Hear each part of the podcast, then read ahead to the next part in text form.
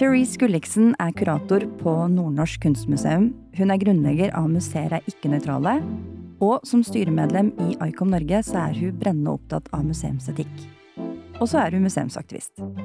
I denne episoden av Spreng grensene så skal vi snakke om alt dette, og om det å bli mer komfortabel med å ha det ukomfortabelt. Spreng grensene er en podkast produsert av Norges museumsforbund, seksjon for formidling. I podkasten utforsker jeg, sammen med ulike gjester, mer radikale former for museumspraksiser som jobber med mangfold, flerstemmighet og tilgjengelighet. Men hva betyr det egentlig å være radikal? Hva mener vi når vi snakker om mangfold? Og hva er egentlig formidling? Kanskje vi kan finne ut av det sammen. Jeg heter Maja Musum, og har du tips til folk som burde være gjest her i studio på Sentralen, så send meg det på e-post. Hei, Cherise Gulliksen. Hjertelig velkommen til Spreng grensene. Du er den aller, aller første gjesten i denne podkasten. Eh, hvordan føles det? Jeg er bare så glad for å kunne prate om disse tingene og nå ut til flere. Så bra. Og um, vi skal hoppe inn i mye spennende, men jeg kom til å tenke på at den aller første gangen som jeg møtte deg, det var på et Teams-møte. Og så skulle vi presentere oss uh, alle sammen, og så var jeg før deg, og så sa jeg flere ting, og så tror jeg at jeg sa sånn Og så tror jeg at jeg er litt sånn museumsaktivist. Og så var det din tur, og så sa du hei, jeg heter uh, Cherise, og jeg er museumsaktivist. Så tenkte jeg ops, det her er veldig bra, men vi må begynne der, tror jeg. For hva Jeg var usikker. Hva betyr det egentlig å være museumsaktivist? Ja, kanskje noen tenker at å være aktivist høres voldsomt ut, og det er kanskje derfor du vegret deg litt til å liksom ta eierskap til det, eller bare eie det og bare gå all in. Uh, men for meg, jeg ser aktivisme som noe positivt og noe som tilhører oss alle. Og det handler om et ønske om å skape endring, uh, og for meg er det også å ta avstand fra status quo i museumspraksis. Eh, så man kan bruke ordet museumsaktivist, eh, eller changemaker, syns jeg også er fint. Og å være en museumsaktivist handler ikke om å rive ned museet, men å kreve endring eh, for å gjøre museene bedre. Men hvordan, når du tenker at du er museumsaktivist, eller sier at du er museumsaktivist, på, på hvilke måter påvirker det hvordan du jobber, eller hvordan jobber du annerledes som aktivist? Noen ganger det oppleves at du går kanskje mot strømmen, eh, fordi du Vi museumsfolk, i hvert fall på Kunstmuseet, jeg opplever at vi har lite praksis på selvkritisk refleksjon, Uh, og det har vært mitt pågående arbeid, og nå jeg Ja, det er pågående, så jeg fortsetter med det, og alltid stoppe opp og bruke tid til å reflektere, liksom, hvorfor gjør jeg dette, hvem er det for, at man stiller grunnleggende spørsmål for å være sikkert på at man er på, på rett kurs, eh, og et begrep jeg har jobbet mye med, eller ikke et begrep, men et, um, et uttrykk fra Donna Haraway heter um, Hun skriver 'Staying with the trouble'. Uh, og det er veldig fint, fordi det er liksom Ja, kanskje noen vil si at du er en bråkmaker, men det er bare at du anerkjenner at det eksisterer problemer og utfordringer, at du anerkjenner dem og, og insisterer på dem, og ikke gir slipp. Og det er det som kanskje oppleves som å gå mot strømmen. Det er mye enklere å bare ta en annen stilling til status quo, at du Det er mye mer behagelig å være enig med folk og ikke utfordre og fortsette fremover. Så det å gå mot, mot strømmen kan oppleves som uh, ubehagelig noen ganger. Og det er kanskje derfor jeg syns denne gruppen museer nøytrale er så viktig, fordi det har et ønske å skape et et kollektiv. Mm. Um, jo, for jeg tror det Og det når, når måte jeg har vært litt sånn ubekvem med å si at, at jeg er aktivist, så tydelig som, som du gjorde, da, og du gjør, så tror jeg kanskje det handler litt om at, at jeg er redd for hvilke liksom, motspørsmål jeg får. Eller sånn at, at, det å definere det tydelig nok, at det er et kollektiv der som trengs for også på en måte kunne tenke litt mer gjennom eh, hva legger vi i det, og hvilket fellesskap er det vi har i ryggen eh, når vi sier at vi er museumsaktivister? Ja, og jeg kjenner at um, um, når du belyser, løfter frem problemer, da er det ofte sånn at du, du plutselig blir problemet. eh, og det er noe um, mange feminister skriver om i feministisk teori. Du kan lese om dette. When you expose a problem, you become the problem. Og jeg kjenner på et press på meg til å handle, uh, og det tror jeg også er viktig hvis vi tenker på um, å være en aktivist eller en changemaker, at det handler mer om enn bare ord. Du må også ha handling, og den er vanskelig noen ganger. Um, så jeg prøver å Jeg har lært mye hos Bell Hooks. Um, hvordan hun Hvem er Bell Hooks? Hun er um, Hun gikk bort for et par år siden, men en svært uh, feminist teoretiker i USA, basert i Turtle Island i USA. Uh, og hun skriver at det ikke er en skille mellom praksis og teori. Uh, og jeg syns det hjelper meg veldig mye når jeg jobber som museumsaktivist, fordi du kan si så mange ord du vil, og kanskje man tenker på det begrepet, eller det uttrykket 'actions speak louder than words', at hvis ikke du har praksis som backer teorien din, eller ordene dine, det Jeg syns det, det er lite troverdig. Mm. Men det har du vel også skrevet om, mener jeg, i en artikkel du skrev som kom om aktivisme i kunstmuseer som kom ut for vel ei uke siden, knappest. For der tror jeg du skrev noe om det at skillet mellom akademia og museumsfeltet er at i akademia så bygger man kunnskap gjennom mer teoretisk arbeid, mens i museumsfeltet så bygger vi kunnskap gjennom praksis. Stemmer. Å jobbe med doktorgradsprosjektet ga meg muligheten til å um, lage teori basert på de praksisene vi Mm. hadde gjort på museet. Så vi jobber i motsatt ende, og det, det er spennende å tenke på fordi um, vi burde da Det burde vært en, um, en bru mellom akademia og museene, fordi vi jobber på hver vår måte, men når du leser hos Bell Hooks at det er ikke en skille mellom praksis og teori, um, det er en kjempestor verdi der, Mm. uh, som kanskje ikke er utnyttet, og kanskje ikke det er godkjent hos ak akademia. Du kan jobbe med praksisen først, og så teori etterpå. Ja, og der er jo vi perfekt podkast, for denne podkasten Spreng grensene, den kom jo i kjølvannet av et seminar som ble arrangert for to år siden med Norges museumsforbund og Formidlingsseksjonen og Nasjonalmuseet, hvor hele utgangspunktet for seminaret var praksisforskning i museene. Så det er jo der den podkasten her også er litt en baby av den, da. Så det er jo veldig riktig forum. Men du har jo jobba mye både med teori og med praksis, så vi må komme inn i alle de forskjellige tingene du har gjort. Men jeg tenkte kanskje at vi skulle begynne med Museer er ikke nøytrale, som du har nevnt. Som kanskje mange kjenner til. Mest visuelt, fordi det har en veldig sånn slående grafisk eh, design. Og jeg har den hettegenseren, og hver gang jeg går med den hettegenseren, så får jeg liksom 100 spørsmål om hva det her er for noe, så folk blir veldig gira. Men du er grunnleggeren av Museer er ikke nøytrale? Ja. Kan ikke du si litt om hva det er for noe, og hvorfor du Når var det det her kom i gang, og hva var greia, liksom? Um, så Museer er ikke nøytrale vokste ut av mitt forskningsprosjekt. Um, jeg, jeg jobber på Nordnorsk kunstmuseum og fikk en offentlig sektor ph.d.-prosjekt satt i gang. Så det er støttet av Forskningsrådet og, um, og museet. Og jeg begynte med den i høsten 2019. Uh, og tittelen på avhandlingen min er Talking Back to Art Museums in Norway. Seeing public art museums through the lens of institutional critique, feminism and decoloniality.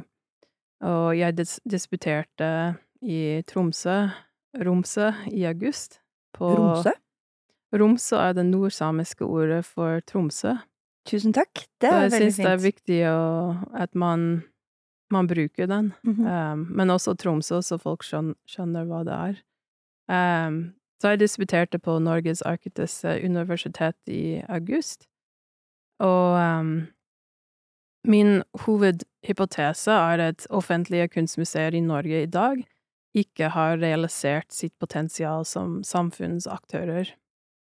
Og forskningsprosjektet ble igangsatt under Jeremy McGowans ledelse, som var daværende direktør, og han kom inn som direktør og satt fokus på mysiologi.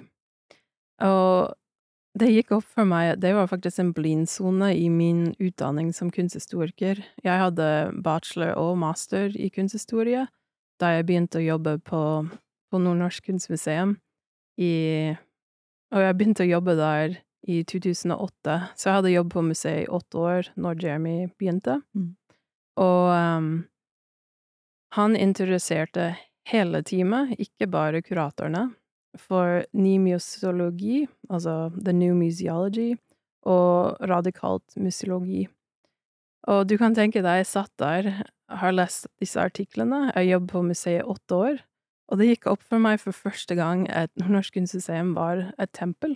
Eller shrine, som det heter. Oh ja, Så dette her var ikke ideer du hadde liksom gått og gnura på før Nei. Jeremy McGowan kom inn? Nei, nettopp, nei. Så jeg bare jeg ble så motivert til å lære mer, og jeg følte meg så at jeg manglet liksom grunnleggende Fordi vi hadde hatt et veldig sterkt sånn kunsthistorisk preget eh, praksis med kuratorene på toppen og formidlerne lenger ned, eh, og dette var også noe Jeremy hadde begynt med å jobbe oss bort ifra jobbe i en flat struktur, um, der vi så på alle ledd i museumspraksis at alle spilte en like viktig rolle. Og, og jobbe oss bort fra et passivmuseum, som hadde kanskje mye fokus på gjenstander, til et museum som var en samfunnsaktør og debattskapende. Og, og visjonen vår var um, kunstbeveger. Uh, så hvordan kunne Nordnorsk kunstmuseum være et sted for kritisk uh, debatt, diskurs, um, som også nådde ut til et bredere publikum. Men kan jeg bare spørre, hvordan, når man også jobba med, eller dere da jobba med å snu om på hele strukturen og jobbe flatt og jobbe, ha en annen visjon for hva, hva dere skulle gjøre, hvordan dere skulle gjøre det, hvordan påvirka det museet og museet i lokalsamfunnet? Jeg opplever at vi, vi ble satt mer på kartet. At folk begynte å bry seg mer om museet. Uh, og både positive, men også folk som ikke hadde vært engasjert på museet, begynte å ha meninger, og kanskje ikke bare positive, men skapte også negative reaksjoner.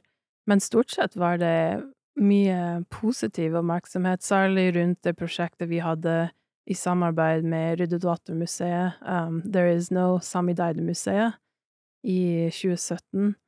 Um, så det var, det var spennende, fordi du opplevde at ja, at folk begynte å få et forhold til Nordnorsk kunstmuseum, og um, ble skrevet om i avisene, og så det prosjektet, Like Betzy, var en, et annet prosjekt som skapte mye oppmerksomhet, um, som jeg har skrevet om i avhandlingen min.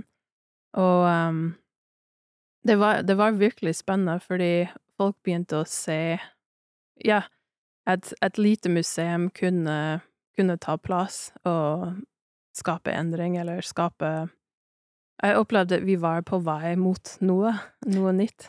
Men da, hvis du, for da har du jobba åtte år i måte et tempelmuseum, mm. eh, eller et, et, klassisk, liksom hierarkisk organisert museum, mm. hvis man kan si det sånn, og så har du jobba under Jeremy McGowan, som snudde opp på alt det. Mm. Eh, I tillegg til på en måte museet utad, da. Eh, Merka du noe forskjell på åssen det påvirka liksom kvaliteten på arbeidet internt? Altså på hvordan vi som museer jobber? Det å ha en flat struktur? Jeg, jeg, for meg var det veldig givende, kanskje mer krevende for andre. Ikke alle var med på disse endringene, og det skjedde ganske fort også, fordi McGowan begynte i 2016. Uh, There Is No Samidaid-museet kom i 2017. Så vi, vi hadde liksom Det var mye endring. og vi, vi ansatte flere også folk fra forskjellige bakgrunn, så det kom inn nye ansatte. Um, vi begynte å innføre nordsamisk som et språk i institusjonen, og det er noe vi har, har, blitt fast, og det er faktisk en endring som har kommet for å bli. Um, fordi noen ting noen endringer har ikke blitt fast eller permanent, og én ting McGowan jobbet med, var å endre vedtektene våre, og det var en endring som ikke kom på plass heller, og jeg ser hvor viktig det er, fordi det er ofte sånn at personlighetene i museene har mye påvirkningskraft, fordi og det er også menneskene som museet består av, altså museet er ikke en et menneske i seg selv. Så du kan jeg kan si at noen likte endring, og andre var kanskje mer motstander av, av det. Men jeg syns det var en kjempespennende prosess som kurator, fordi jeg opplevde at folk var mer At vi var på et felles mål, mer enn du som kurator har et prosjekt, og så går du til ditt team og bare gjennomfører dette, på en måte. Altså, alle var med på prosjektet helt tidlig i, i begynnelsen. Og så kuttet vi ned antall utstillinger for å lage mer grundig, større prosjekter, som også ble vist over lengre tid for å sørge for at vi hadde tid å programmere dem, mm. enn å ha det hippie utskift med en utstilling som var i tre måneder. Plutselig hadde vi en utstilling som kanskje varte i åtte måneder, eh, og da hadde vi et større program eh, rundt den. Så igjen, det, liksom, det fokuset mer på publikummere enn hvilken verk vi fikk låne fra For det var kanskje det som var prioritert tidligere, var liksom wow, vi, vi fikk lån fra der og der, og Fordi vi er vi er i Sápmi i Nord-Norge, og avstanden er stor, så det er veldig dyrt å få verk fra andre steder i verden til oss. Men så ut av dette her, hvordan var det da museer er ikke nøytrale Hva er museer er ikke nøytrale, først og fremst? Er det en del av Nordnorsk kunstmuseum? Nei? Nei, um, men den ble født fra mitt forskningsprosjekt, så mm. på en måte den er uansett tilknyttet. Um, men jeg, jeg, begynte med doktorgraden i 2019, og i mai 2021 jeg hadde en såkalt midtveisevaluering. Og da har du en sensor som kommer inn uh, og vurderer liksom hvor langt har man kommet, um, er man liksom Det er liksom for å sørge for at du har um, gjennomgang i prosjektet.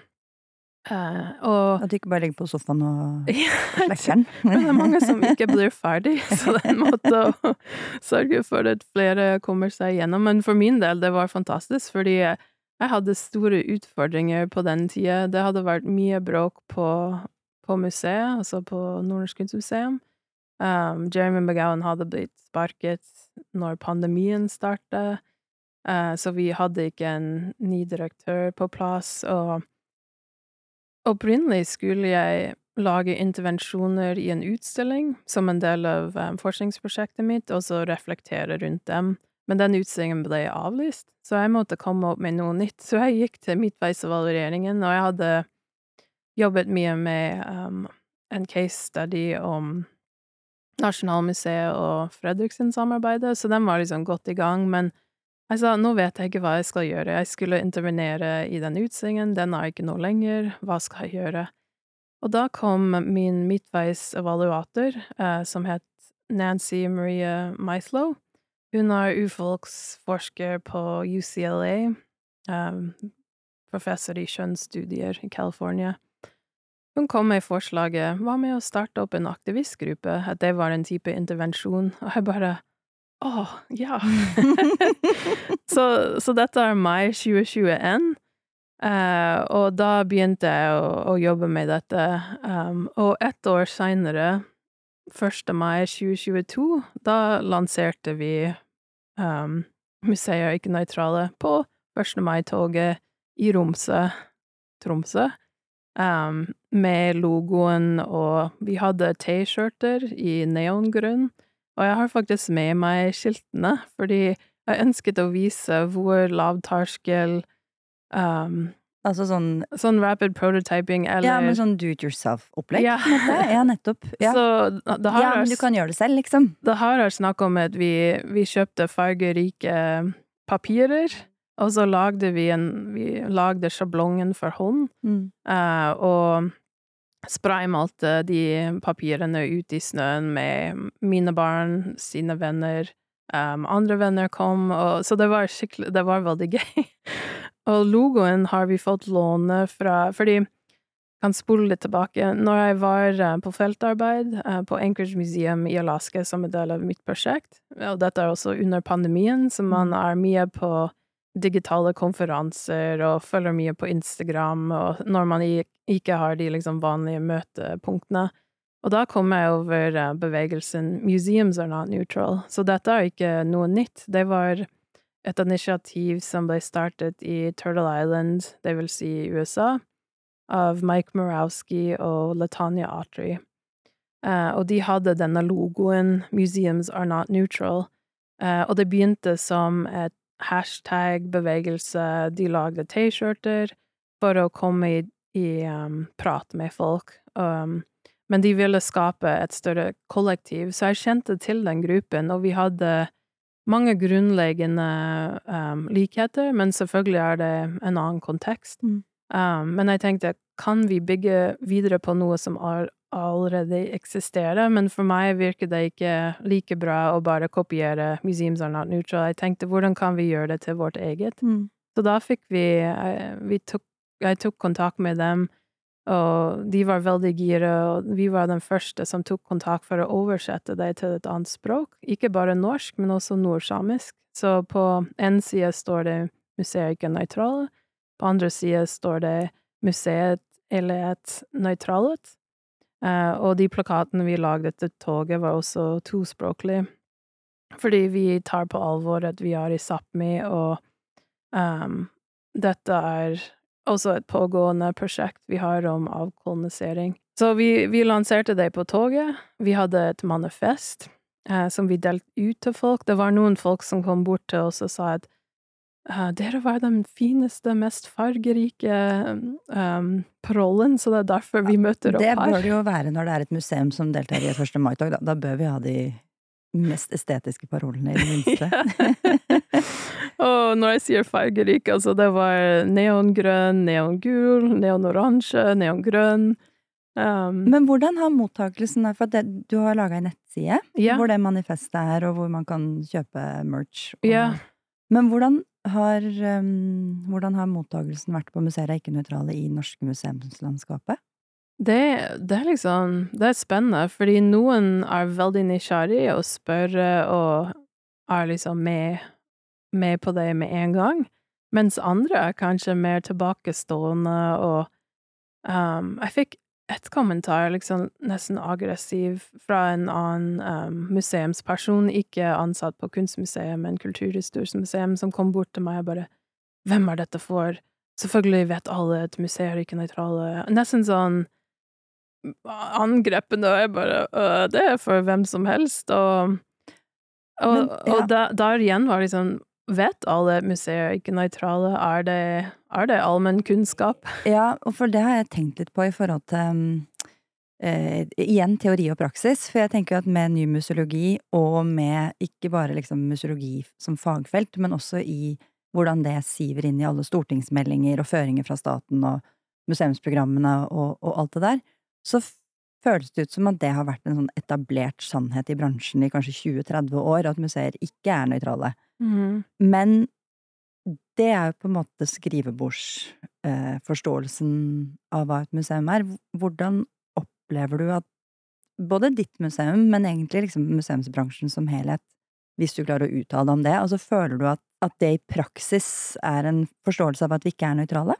Jeg, um, jeg tror ikke det. Jeg tror, som du sier, at det er kanskje mer på papir enn at det fordi jeg, jeg tenker på museet nøytrale som et verktøy, og at det er egentlig en verdi i seg selv, og hvordan kan vi aktivere den i praksisen vår. Og der tror jeg ikke folk aktiverer den, og du går ikke rundt i hverdagen som museumsansatt og tenker liksom hva gjør jeg i dag som kan bidra til endring, eller Altså, det blir veldig sånn business as usual, og jeg bare Jeg har med meg Norsk ICOM har laget um, Kom ut for ja, det var vel i fjor, uh, med et skriv om etiske retningslinjer for museer i Norge. Og på side elleve står det at de, altså museer, er ikke nøytrale. Så dette er liksom Det burde ikke vært provoserende, men jeg synes det er fascinerende at Jeg tenker at det gjør faktisk en god jobb, hvis det er provoserende for folk. Og også dette med hvem er det for? For det er liksom Å, vil du Skal vi ikke la publikummer få vite om disse tingene, eller um, Fordi Og videre i den setningen det står at de er ikke nøytrale, men har en posisjon som definerer, påvirker og bidrar til å legge premisser for vår forståelse og tolkning av historien og samtiden. Og, og det er disse tingene som jeg tar på alvor, og prøver å leve det ut, både gjennom min praksis og at jeg er liksom bevist på den privilegium jeg har som et ansatt på et museum i Norge. Altså, det er en superprivilegert posisjon, og jeg tror det er mange museumsfolk som ikke, ikke reflekterer rundt det. Bare ta det for gitt, og liksom kanskje til og med misbruke det litt mm. uh, i forskjellige settinger. Men er det noen som, som, Har du møtt noen som mener at vi er nøytrale? Eller som måtte, er uenig med den påstanden, selv om den ICOM og Kulturdirektoratet kanskje sier at, at eh, vi ikke er nøytrale? Det er um, det, er det som har vært vanskelig med disse problemstillingene, er det er strukturer som ofte er usynlige, og du møter dem, men de er vanskelig å sette fingeren på, det er vanskelig å sette ord på dem, men de eksisterer. Uh, og da kan du være da problemet når du påpeker de tingene, og da, da møter du kanskje en vegg, eller oppleves som du møter en vegg, og du blir så lei deg, eller ikke lei deg, du blir så sliten, fordi det oppleves som du bare slår hodet mot veggen, og så Veggen beveger seg ikke, men Eller muren, um, men det er du som blir sliten og har bare lyst til å gi opp. Men når jeg jobbet med doktorgraden, du må komme opp med empiri som kan støtte mm. dine argumentasjoner og sånn. Og da, da kom jeg over um, Petter Snekkestads museale tilstander, uh, som er en ny bok. Den kom ut i det var 2022. Og da, i den, fant jeg liksom et konkret bevis på det du spør om med um, nøytralitet. Hans tilnærming er en han kaller det for en konservativ kritikk av museumstenkning. Og hva innebærer det? Han skriver at, og dette er en sitat, at det er en avvisning av tanken om et museets oppgave er å være samfunnskritisk. Og videre skriver han at de, altså museer, bør ikke ta stilling i politiske spørsmål en tanke som merkelig nok er sterkt utfordret av selverklærte aktivistmuseer, som hevder at nøytralitet er umulig. Og nå er han egentlig inne på akkurat det vi er. Mm. Så det er kjempespennende, fordi jeg opplever at han skriver, og han sier det selv, at han tar en veldig polemisk um, tilnærming til disse tingene. Men jeg opplever at vi er på helt forskjellige ståsteder, og det som er interessant, er at han også er veldig grundig med at han viser til white papers og forskjellige så, ting for å og, Ja, så det er ikke liksom funnet opp fra ingenting, men det er fascinerende at han kan komme frem til det. Mm. Og jeg har ikke det sitatet foran meg nå, men han klarer å få interseksjonalitet til å være noe negativt og det er fascinerende at det er mulig. Og interseksjonalitet, bare for å forklare det kort? Ja, um, det er mange forskjellige typer feminismen, men min type feminismen er grunnet i intersectionality. Ting er koblet opp mot rase, etniske kjønn. Det er strukturer som gjør at det er makt og At du kan ikke bare ta ut en bit, at alt henger sammen. Uh, og det er sånn du kan Man kan bli diskriminert. Altså, du har for eksempel white feminism, som. Tar bare hensyn til at du er kvinne, og derfor er det sånn og sånn, men den tar ikke hensyn til at du er i en annet nivå hvis du er både svart og kvinne, at du er ikke likestilt med hvite kvinner. Men i forhold til det der med om, om i hvilken grad vi som jobber på museum tenker at vi er nøytrale eller ikke, på en måte, så, så har jeg inntrykk av at det i en god stund har vært liksom økt bevissthet rundt mangfold, tilgjengelighet, eh, det å jobbe mer dialogbasert, og så kritisere museenes enerett til å forvalte en eller annen sannhet. Men eh, så er det jo også i økende grad, og det er veldig bra, en, en slags bekymring for at den måten vi jobber med vår historikk, vår på en måte problematiske historikk, vår, vår, hva, alt vi drar med oss eh, i hvordan vi jobber i dag, at det blir veldig overfladisk, at det er en slags washing, eller en, en hva skal man kalle det, altså en, en symbolpolitikk, da. Eh, at det er eh, prosjektbasert, det er ikke liksom eh, Det skraper litt i overflaten, og kan kanskje i verste fall bli brukt som en sånn pynt, altså litt sånn kulturrådsbingo, mm. at vi krysser av på dette og dette. Mm. Har du jobba noe med det, altså i, i ditt arbeid med nøytralitet, den ulike nivåer å gå inn i dette her på for å gjøre det skikkelig? Ja.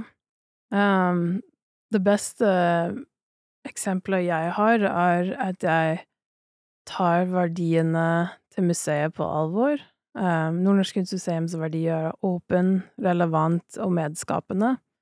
Uh, og det er ikke sikkert at jeg klarer å oppnå alle tre til enhver tid, men det går kanskje tilbake til dette på praksis kontra teori, for det, det da jeg opplever washing, hvis du har et veldig fint teori som ser fint ut på papir, og du bruker store ord som mangfold og representasjon og um, Men hvis du ikke på andre sida i praksis gjennomfører det, da, da, opplever jeg det som washing, og um, også hvis det ikke fører til noe endring, hvis det er Ja, hvis det er liksom et one time project fordi det er et jubileum, det, det, er veldig sånn fint at museene kan comfortably include, but also comfortably exclude når det passer dem.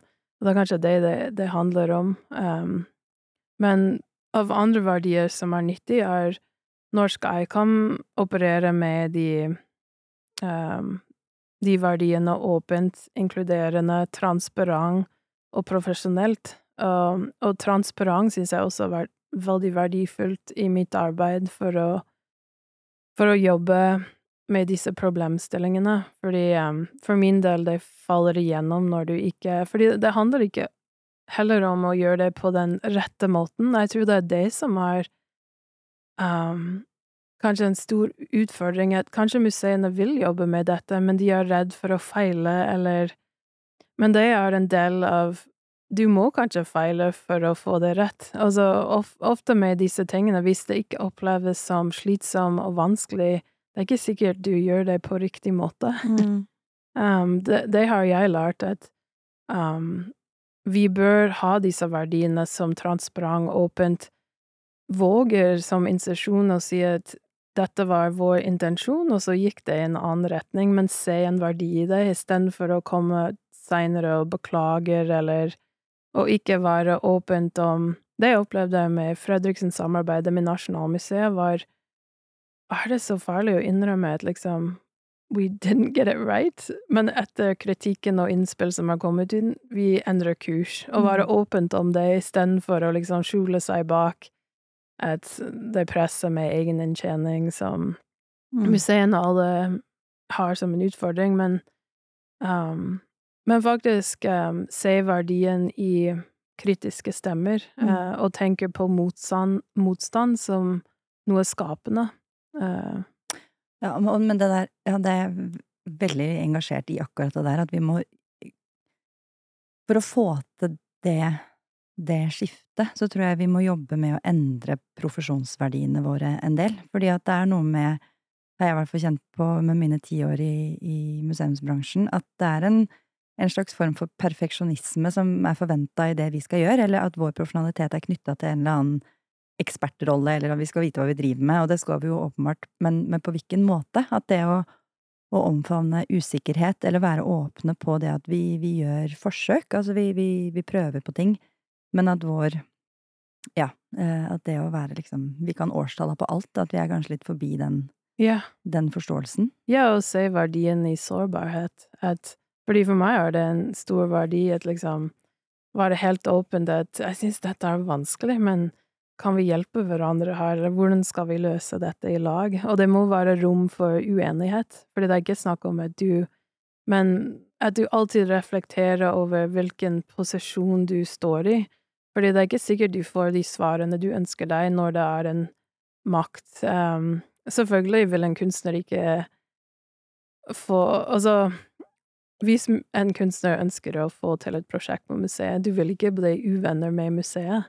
Uh, så du må også reflektere over Det er ikke sikkert jeg får Hvis jeg ikke skaper et rom hvor det er eh, mulighet for at folk kan si hva de egentlig mener, da er det vanskelig å ha prosjekter som ikke er washing og um, jeg, jeg har med meg et sitat av Robert Janes, som kanskje forklarer dette litt, og det har hjulpet meg. Han er en um, museolog, frilanser, men har jobbet på museet tidligere.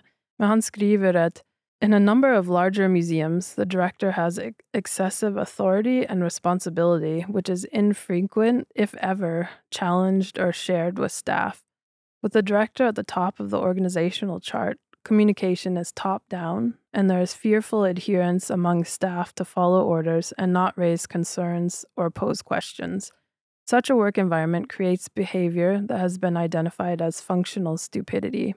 That is, museum practitioners are encouraged to emphasize positive interpretations of events, leading to self reinforcing stupidity.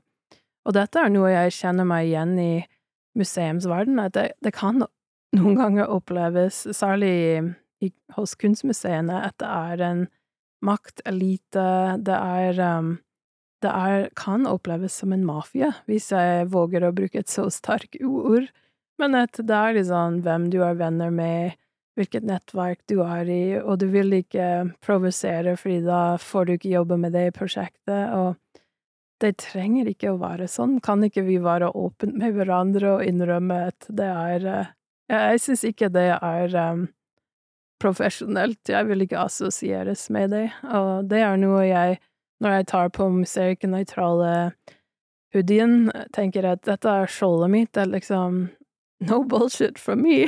For du er ikke egentlig en som liker å gå i 1. mai-tog med plakater? Nei, jeg gjør ikke det. Og jeg er ikke en sånn egoperson heller, men jeg mener at vi jobber i offentlige institusjoner som er støttet fra skattebetalernes pengene, og vi har et kjempeansvar, og jeg sitter i en privilegert posisjon. Eh, og med en gang du har sett disse problemstillingene, du klarer ikke å Unsee dem. Jepp. Mm. Så når du har tatt den stien, eller begynt å gå på den stien, du kan ikke snu, du må bare fortsette fremover. Det er sånn jeg opplever det. Faktisk, kroppen ikke lar meg snu. Jeg må bare gå fremover. Men self-reinforced stupidity, jeg beit meg merke det, det er et ganske fiffig begrep som vel egentlig sier noe om en slags bedriftskultur eller en bransjekultur som legger lokk på eh, den konstruktive kritikken, da, for yeah. å bli bedre i det yeah. vi gjør. Ja, og det går igjen tilbake til dette, jeg vil ikke være en bråkmaker, jeg vil ikke være vanskelig, jeg vil bare ta ting på alvor og gjøre best mulig praksis på ting.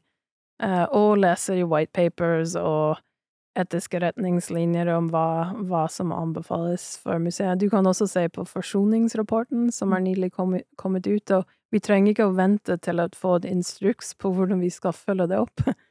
Man har en kjemperapport som beviser problemer med settler colonialism. Jeg kan trekke frem Rauna Kokonen, som er samisk uh, forsker basert på finsk side.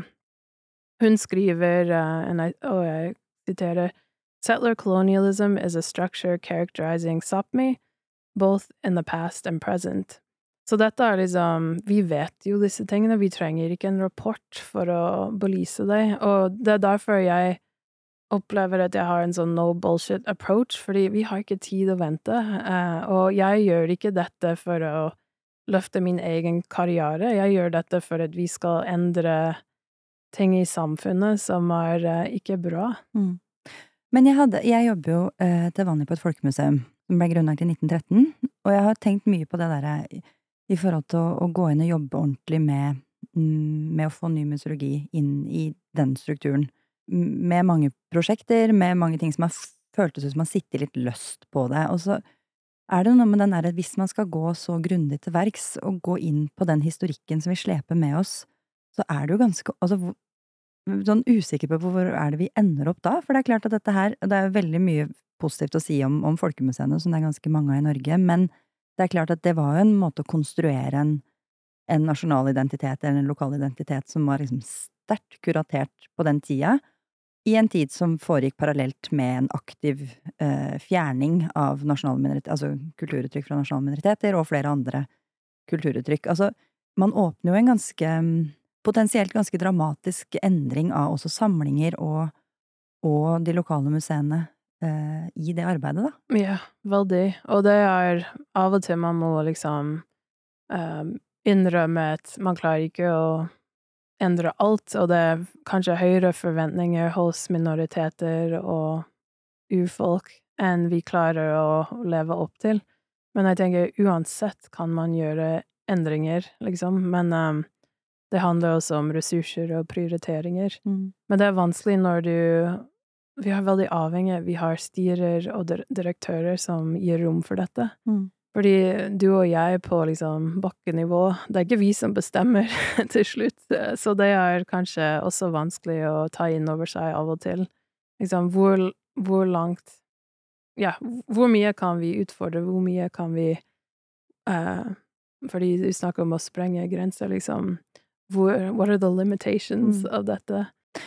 Men nå har vi jo snakka litt om, om, om tanker eh, eller debatter eller utfordringer med nøytralitet eller aktivisme innad i liksom vår andedam, eller innad i bransjen. Men hvis vi ser på de som er utafor, eller liksom lokalsamfunnet, som er veldig vanskelig å snakke om som én gruppe, da, selv om vi ofte snakker om lokalsamfunnet, på en måte, men lagt merke til at i mye av det du skriver, så er du også kritisk til en sånn markedsdreining. Yeah. Um, men ofte så kan jo også lokalsamfunnet være ganske konservativt. At yeah. Jeg har merka at liksom Og det er jo en, en, en, del av, av lokalmuseet, eh, lokalsamfunnet, vel å merke. Men at de eh, kanskje er veldig fornøyd med å ha en, en nostalgisk mm. En bekreftelse av det de ja. tenker Ja. Ja, og man vil ikke ha ting som utfordrer dem. altså, kanskje man som Hvis man um, besøker et museum, du vil ikke ha det kritiske narrativet, eller fordi det, det kanskje skurrer med din egen din egen forhold til historien, og um, vi hadde en besøkende hos oss for ikke så lenge siden som hadde sett Gabbe-utstillingen, og um, ble veldig provosert og sa at ja, jeg er ikke noe kolonist, jeg har Hva ikke gjort noen ting. Det er um, en utstilling som jeg kuraterte sammen med Irene Snarby, uh, og det er um, med verk fra Nordnorsk kunstmuseums samling uh, av nålevende kunstnere. Jeg bør kanskje si hva gabe betyr. Det er det nordsamiske ordet for en sterk kvinne, uh, en som har mye kunnskap, og er um, resilient, um, og har liksom skaperkraft. Um, så vi, vi, valgte ut verk fra samlingen som hang under dette gabebegrepet.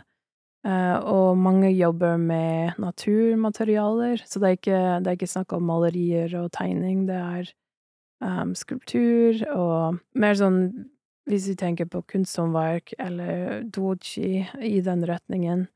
Um, og, men vi har vært ærlige som museum i tekstene når du er i utstillingen, så for eksempel, vi har funnet frem til at vi har bare 6,6% samisk representasjon i, i, samlingen. Og ikke alle kunstnere i Gabe er samiske, det, men um, det er uh, provoserende å se når vi vet Altså, vi er i Sápmi, og at det er så liten prosent eh, på det, og samtidig i museets vedtekter det står ikke noe om Sápmi eller sami, det er veldig sånn et norsk fokus på mm. det. Men folk sier at jo, men det samiske er en naturlig del av vår historie. Ja, men igjen, det handler om da når det ble prioritert og ikke prioritert. Men i hvert fall så var det en besøkende som hadde sett utstillingen, og ble um, utfordret på de skiltene som hun Hun kjente seg ikke igjen at 'jeg har ikke vært en kolonist, jeg har ikke gjort noe'. Og jeg, jeg forstår det, fordi du har vokst opp med den eh, nasjonale historien som ikke har hatt samiske perspektiver, for eksempel, og da kjenner du deg ikke igjen i det. Men hvis du snakker med samiske folk som er liksom på den andre enden, som opplever undertrykkelse stadig vekk fortsatt i dag, selv om fornorskningen er offisielt ferdig som et program, men du får en annen Du får en annen historie, og jeg var opptatt av dette i det andre case-studien min om Blestadius-maleriet, fordi historisk sett har Nordnorsk Kunstmuseum vist frem det maleriet uten å gi noe kontekst til det bildet, Mm. og problematisere den enveisfortellingen om, um, om det bildet. Vi har kanskje ikke tid å gå i dybden på det, men det er liksom en nøytral presentasjon av bildet, hvor du bare får kunstnerens navn, årstall, og så, hvis du ikke er um, som urbefolkning, du har en helt annen opplevelse av det bildet enn en vanlig nordmann vil ha. Og skal museet være med på å bekrefte disse fordommer som eksisterer, eller skal vi faktisk stille spørsmål og, og nyansere det med den uh, koloniale uh, historien? Mm. Um, Ja, men det er fascinerende, men da, og da er det jo så viktig at, at måte, museene også er beredt til å gjennom formidling ja. initiere en samtale, altså delta i den samtalen vi initierer. Mm. Ja, og det, det som er så spennende, er at det er et historisk verk som er Mm. superrelevant i dag, hvis du tilnærmer deg på disse på den måten.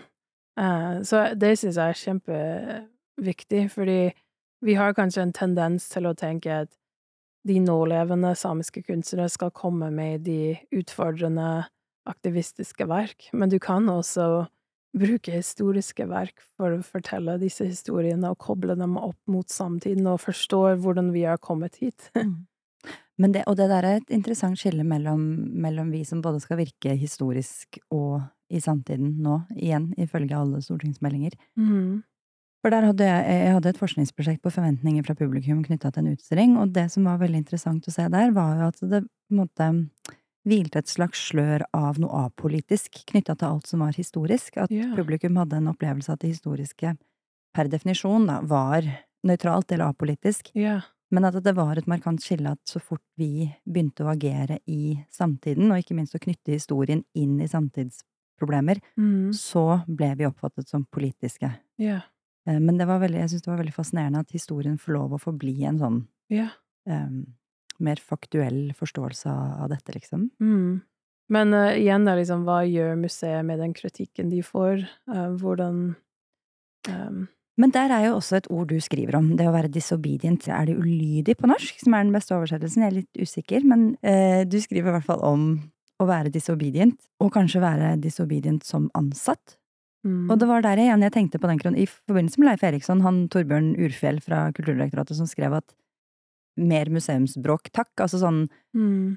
øh, staten ber oss bråke, men hvordan er det egentlig å bråke lokalt, og hvordan er det egentlig for den enkelte ansatte å bråke? Ikke sant? Man må jo ha øh, Det er ganske sårbart, som du sa, men hvordan kan vi jobbe framover for at, at museumsansatte skal tørre å bråke? Ja. Da tror jeg det handler om disse kollektivene vi Det er derfor jeg håper nå at med denne podkasten at nøytrale når ut til flere. Eh, At vi kan samle oss mer og, og vite at du har folk rundt deg og bak deg i sånne situasjoner, men, men du må ha allierte inn i museet også, så det er, det er ikke alltid like lett. Men det med disobedient er um, kjempespennende, fordi um, jeg tenker at for meg det handler om å bli mer komfortabel med å ha det ukomfortabel, og um, støtte deg til white papers, og at du forankrer deg i ting, at, men det som er vanskelig, er at når du møter allmennpublikummere som, som du sier, liker å ha det behagelig og vil ikke utfordres på ting, um, og hvordan klarer vi å ikke miste dem, og liksom få, få med de motstemmene også? Det er kanskje det som er det mest vanskelig. Mm. Men det er derfor jeg liker at museet er nøytrale, er litt sånn lav terskel, at når du har den på deg, du møter folk ut på gata, eh, og det er Det er derfor det var viktig å lansere det som en parole på 1. mai-toget, fordi for meg det handler om liksom taking it to the streets, at du er liksom Det er ikke på en konferanse At, at du prøver å se verdien i å gjøre ting på forskjellige måter, og ikke tenke at det må all, alltid være i den konsensussettingen på museet. 'Å ja, vi Sted, fordi vi kunne gjort det på en annen måte. Man kunne hatt en konferanse eller Men det, det ville vært helt annerledes, tenker jeg. mm. Men jeg, jeg liker den 'taking it to the streets' og ja, kanskje skrive noen kronikker og um, Fordi de det jeg opplever, er de Men det som er vanskelig, er de som er imot, de er ofte ikke villige til å gå i dialog. De kan bråke fra sin side og kritisere, men hvis du da sier 'ja, men gjerne la oss snakke om det', da kommer ned rullegardinen. Mm. Så hansken er herved kastet, for fordyrende fra din side. Men du, vi skal runde av nå. Um, men eh, jeg bare kom til å tenke på én ting. At når jeg så Museer er ikke nøytrale første gang, så tenkte jeg at dette her er en stor liksom, organisasjon i Tromsø, med masse kule, eh, kule folk i Tromsø. eh, som holder det gående med Museer er ikke nøytrale. Men så har jeg skjønt at det er egentlig Det er deg, på en måte. altså, jeg har jo folk rundt meg, men alt er på dugnad, og Ja. det er um, Ja, når får man tid til å ha Vi er ikke en organisasjon, men Nei. vi har en stiftelse. Det er en stiftelse, ja, men det er fint. Og så har jeg allerede utfordra deg til å utvide det til at vi kulturhistoriske museer også kan få lov til å være er med på det. Og det er jeg 100% med på. Men så hvis folk hører på podkasten nå og tenker at dette her eh, høres bra ut, har du kan de, Hva kan de gjøre? Kan de ta kontakt med deg, eller er det Ja, gjerne ta kontakt med meg, og um, fordi jeg prøver å tenke hva, hva vil folk ha? Hva vil hjelpe andre til å, som ønsker å jobbe med disse tingene, men føler kanskje at ja, men hva kan jeg gjøre? Altså, samtidig du kan kjøpe en T-skjorte, ikke fordi vi skal Vi tjener ikke penger på dem, men det er en måte som kanskje gir deg en, type For meg er det det oppleves som jeg går rundt med et skjold. Mm. Så kanskje det vil gjøre folk At du får liksom styrke i det, og så sprer du budskapet.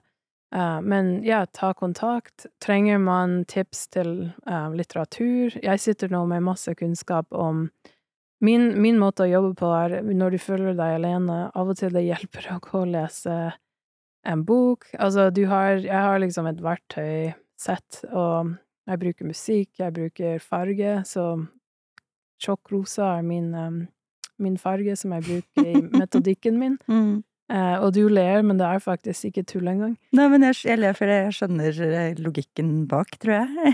Så jeg tenker at hvis jeg kan dele det med andre, Mm. gjerne det, men det er ikke sikkert det som funker for meg, funker for deg eller for en annen person. Men jeg vil gjerne liksom støtte folk som syns at disse temaene er viktige, og, men kanskje forstår ikke, eller vet ikke hvordan de skal komme i gang. Mm. Um, jeg vil gjerne liksom uh, hjelpe folk med det. Kanskje vi kan ja, klare å kultivere fram et fellesskap hvor vi kan uh, heie hverandre fram for å være bråkmakere som ikke er bråkmakere, men yeah. som egentlig gjør jobben vår som Mm. offentlig ansatte. Mm. Ok, men Cherise, tusen takk for at du ville være med i podkasten. Så håper jeg at veldig, veldig mange er inspirert til å være med og jobbe for museer er ikke nøytrale. Tusen takk.